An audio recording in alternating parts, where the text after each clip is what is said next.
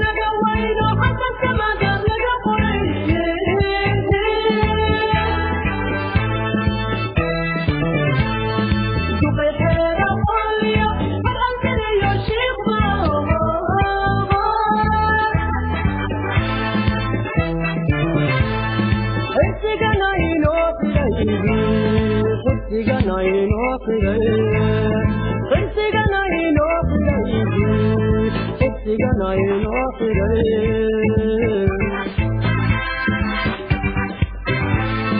rabbigeena ha atimahe ilayga kaadhiga igo kunteer ku xamdiyaay kunteer ku xamdiyaay kunteer ku xamdiyaay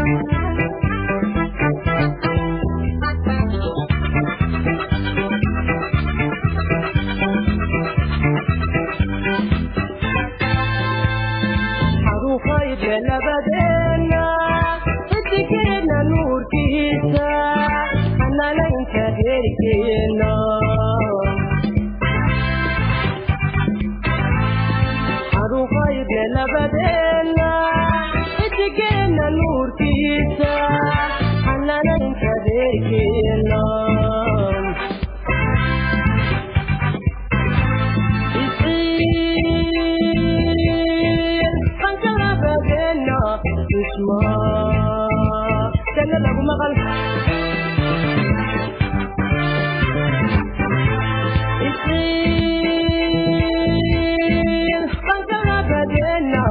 isma janna lagu maqal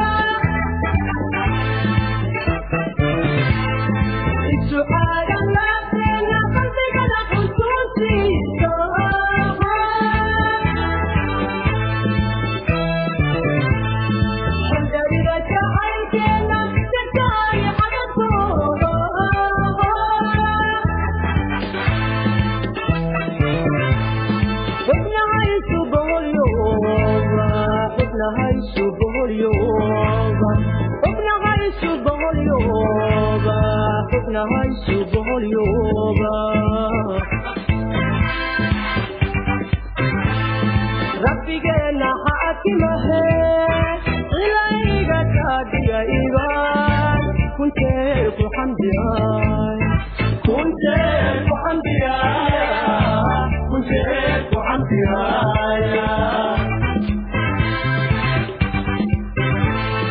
rabbigeena kaadiya ibaan kunteer ku xamdiyaya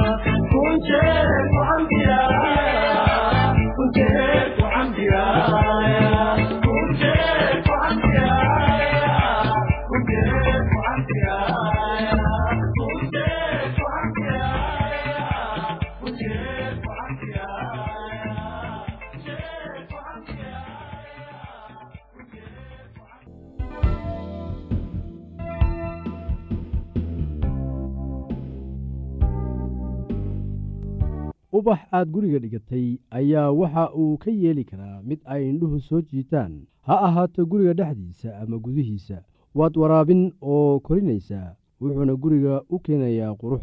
Waxaa wanaagsan inaynu soo gebagabayno barnaamijkan ku saabsan indhaha soo jiidashada ama quruxda guriga.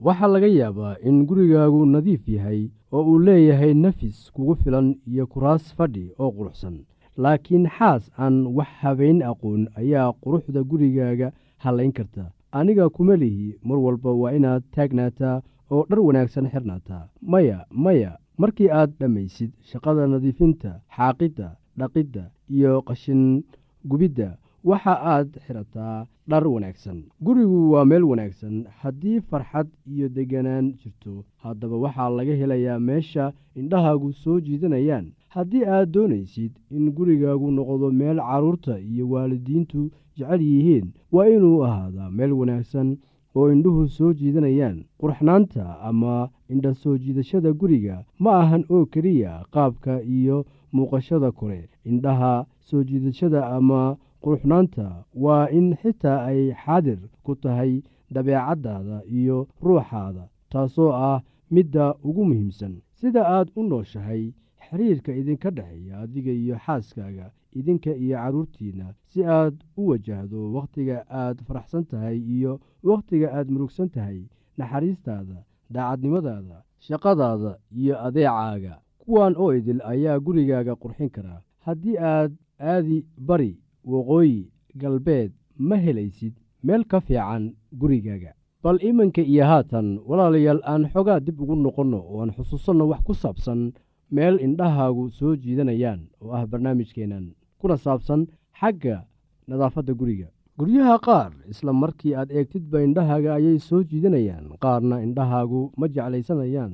Ma ahan mid inuu cusub yahay kan kalena duug yahay. Maya sidaasi ma ahan waxaa jira guryo badan oo duug ah laakiin haddana indhahaaga soo jiidanaya qaar cusubna ay indhahaagu diidayaan. Waxaad isweydiisaa maxaa keenay kala duwanaanshahaas? Taasi waxay ku xidhan tahay qofka dooqiisa waxa uu doorbidayo waxa uu jecel yahay iyo waxa uusan jeclayn. In aad gurigaaga wanaajiso oo aad qurxiso macnaheedu ma ahan inaad isticmaashid lacag badan.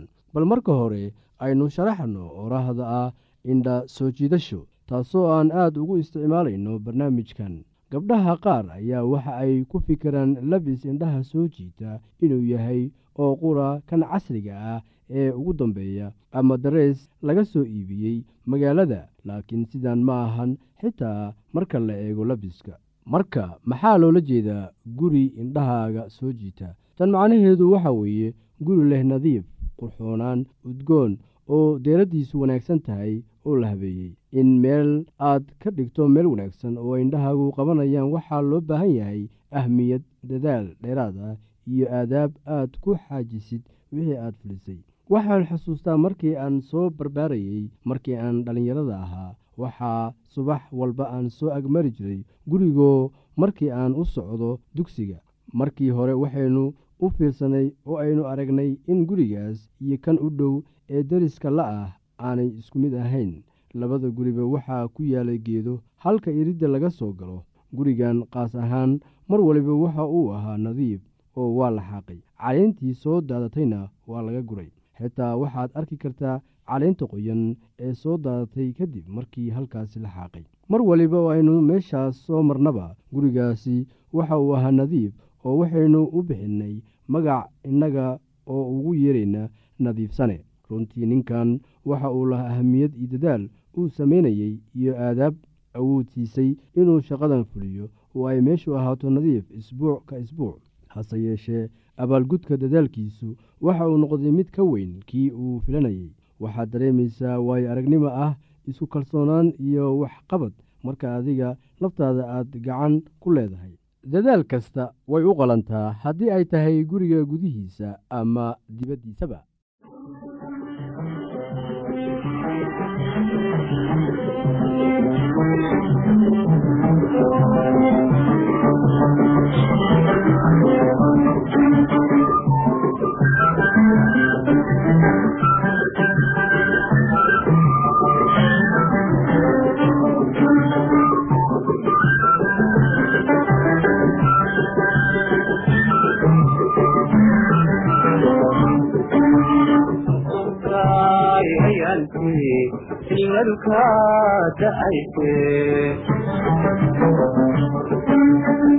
indhahaada qoysaan inayay xasuusto markaan ka ogo waxaligu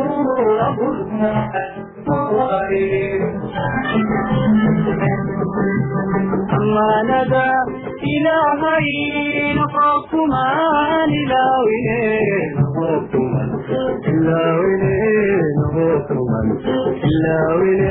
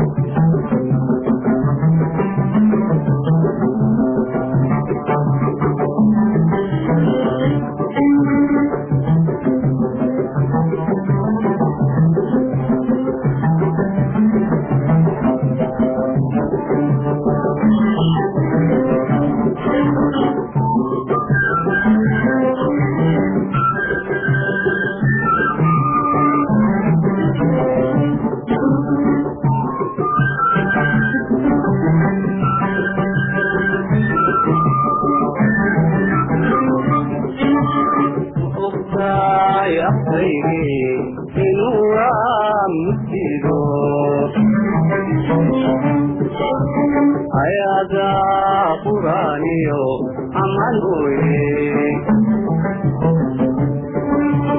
arrin kale inuu furo ogolaani waayaan waxaad igu abuurtaan lacag kaliisan waaye waxaad igu abuurtaan lacag kaliisan waaye amaanada ilaahay noqokumaan ilaawine noqokuman ilaawine noqokuman ilaawine aa noqokumaan ilaawine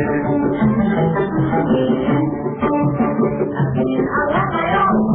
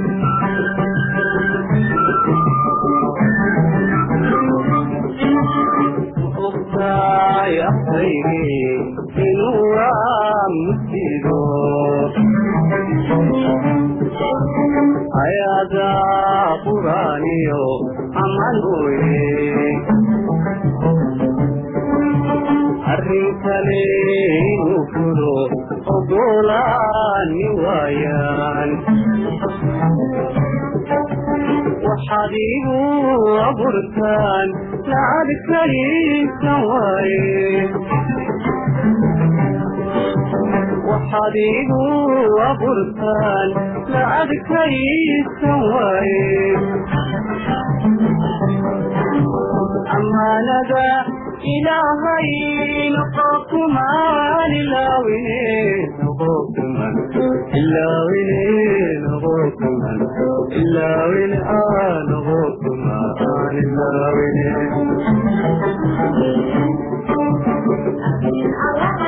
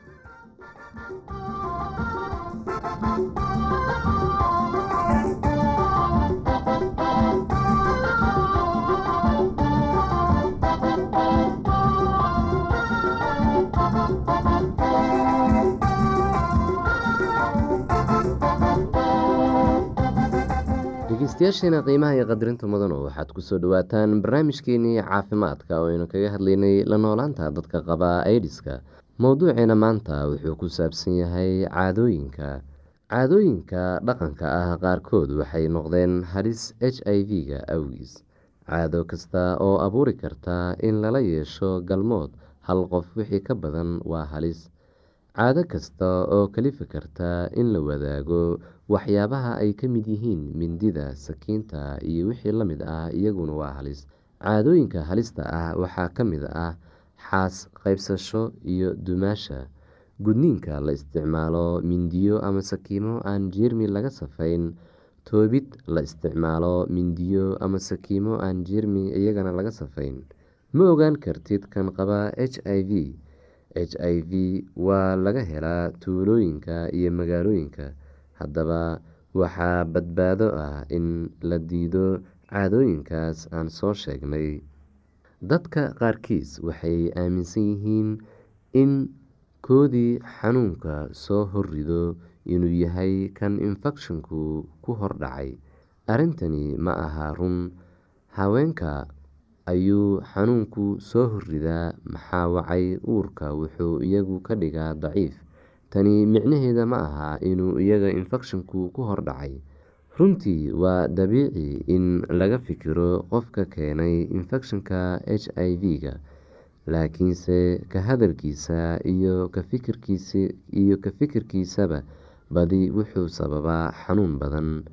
Waxaa caawimo badan leh in la isa saamaxo in la istaageero in mustaqbalka la qorsheysto inaad caruurtiina dar yeeshaan iyo inaad farxad ku wada noolaataan maalmaha nolosha idinkaga harsan.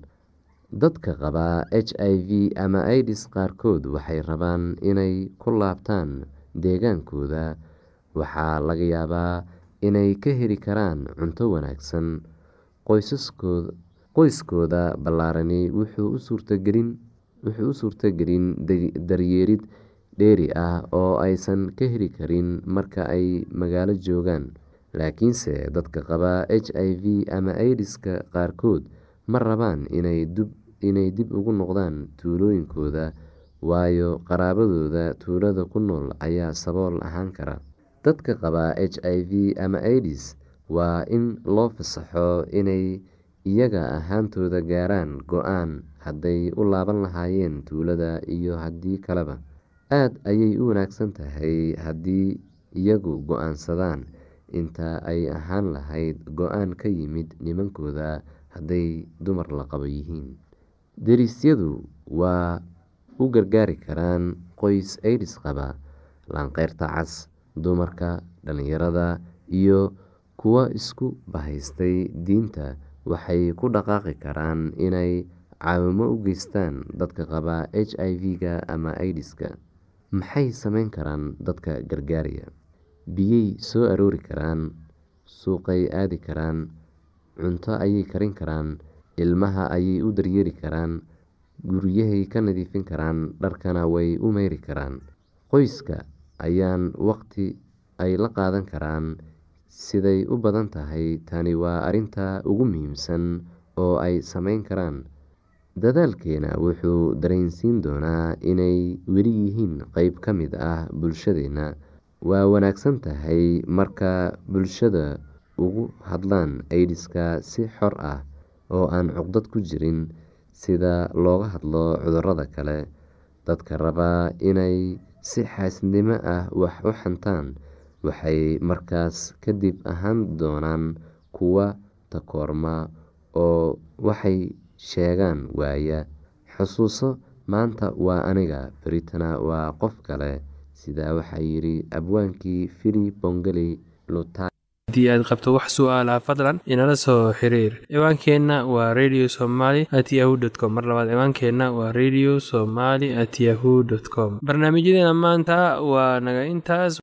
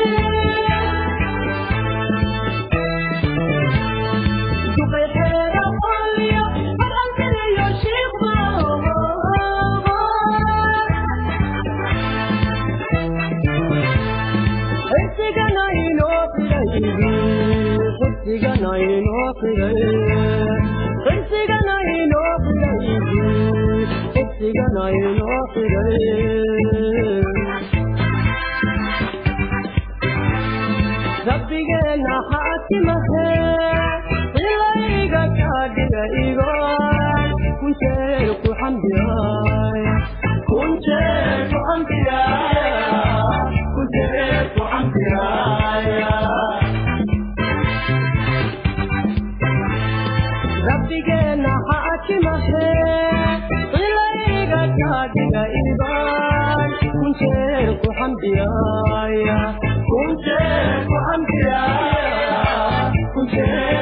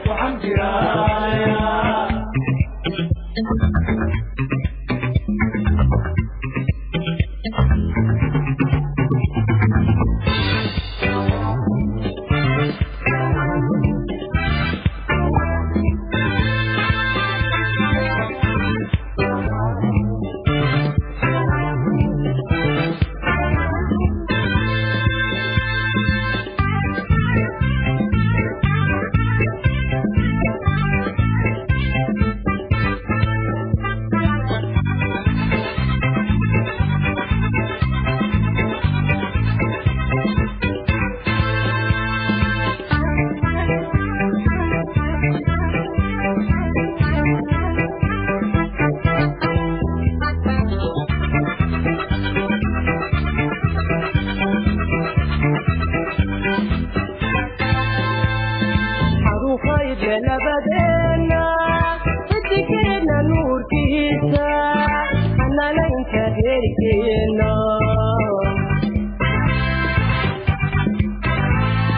harufaydna nabadeenna cidikeedna nuurkiisa